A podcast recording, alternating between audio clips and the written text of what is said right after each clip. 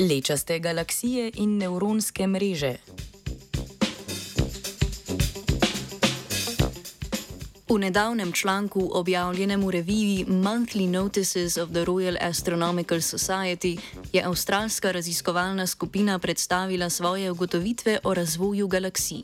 Skupina je z računalniško simulacijo Eagle poustvarila populacijo galaksij, kakršno opazimo v vesolju, ter določila glavne procese v razvoju lečastih galaksij.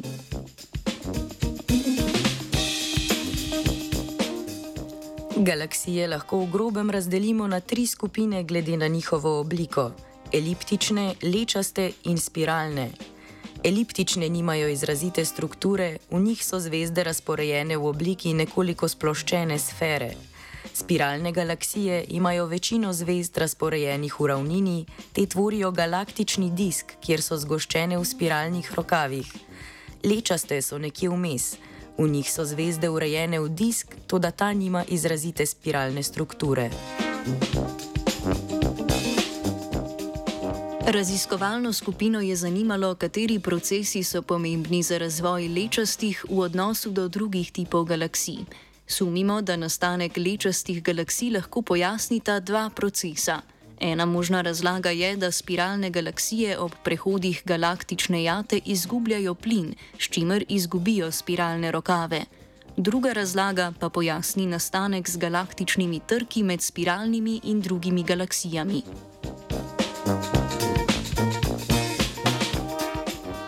Skupina se je raziskav razvoja galaksij in galaktičnih jat lotila s simulacijo Eagle. Simulacija zaobjema kocko vesolja kozmoloških razsežnosti, v kateri nastane nekaj tisoč galaksij in simulira obdobje desetih milijard let.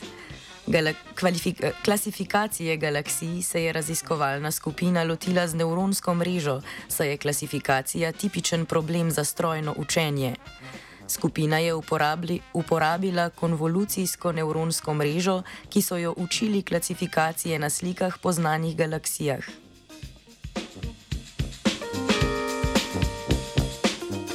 Simulacija je s parametri, določenimi s pomočjo opazovanj našega vesolja, uspela reproducirati razmerja tipov galaksij izmeritev. To nakazuje, da simulacija dobro opiše glavne procese razvoja galaksij. Poglavitni rezultat raziskovalne skupine pa je povezava med številsko gostoto in tipom galaksij. Opazili so, da pri manjših gostotah galaksij prevladujejo spiralne, medtem ko z višanjem števila galaksij začnejo prevladovati lečaste. Eliptične so najredkejše, čeprav njihov delež začne naraščati pri visokem številu galaksij.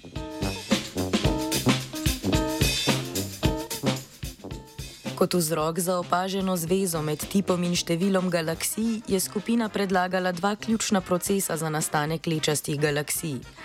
Prvi je prehod galaksij čez galaktične jate, znotraj katerih trčijo umirujoč medgalaktični plin.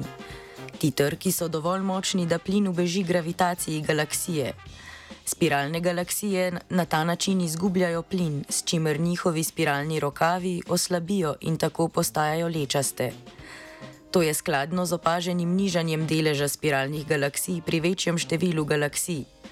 Večje število galaksij bi namreč pomenilo, da je galaksija bližje središču galaktične jate, kjer pride do več trkov z medgalaktičnim plinom.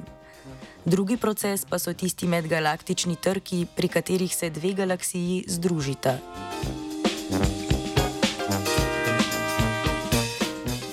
Raziskovalna skupina je svojo simulacijo kot prva poustvarila zvezo med tipom galaksije in številom galaksij, ki se ujema z opazovanji. V simulaciji so bili prepoznani procesi, ki določajo razmerja tipov galaksij. Območja, kjer bi prevladovale eliptične galaksije, skupina ni uspela simulirati, saj bi potrebovali simulacijo ogromnega dela vesolja, kjer nastajajo zelo masivne jate galaksij.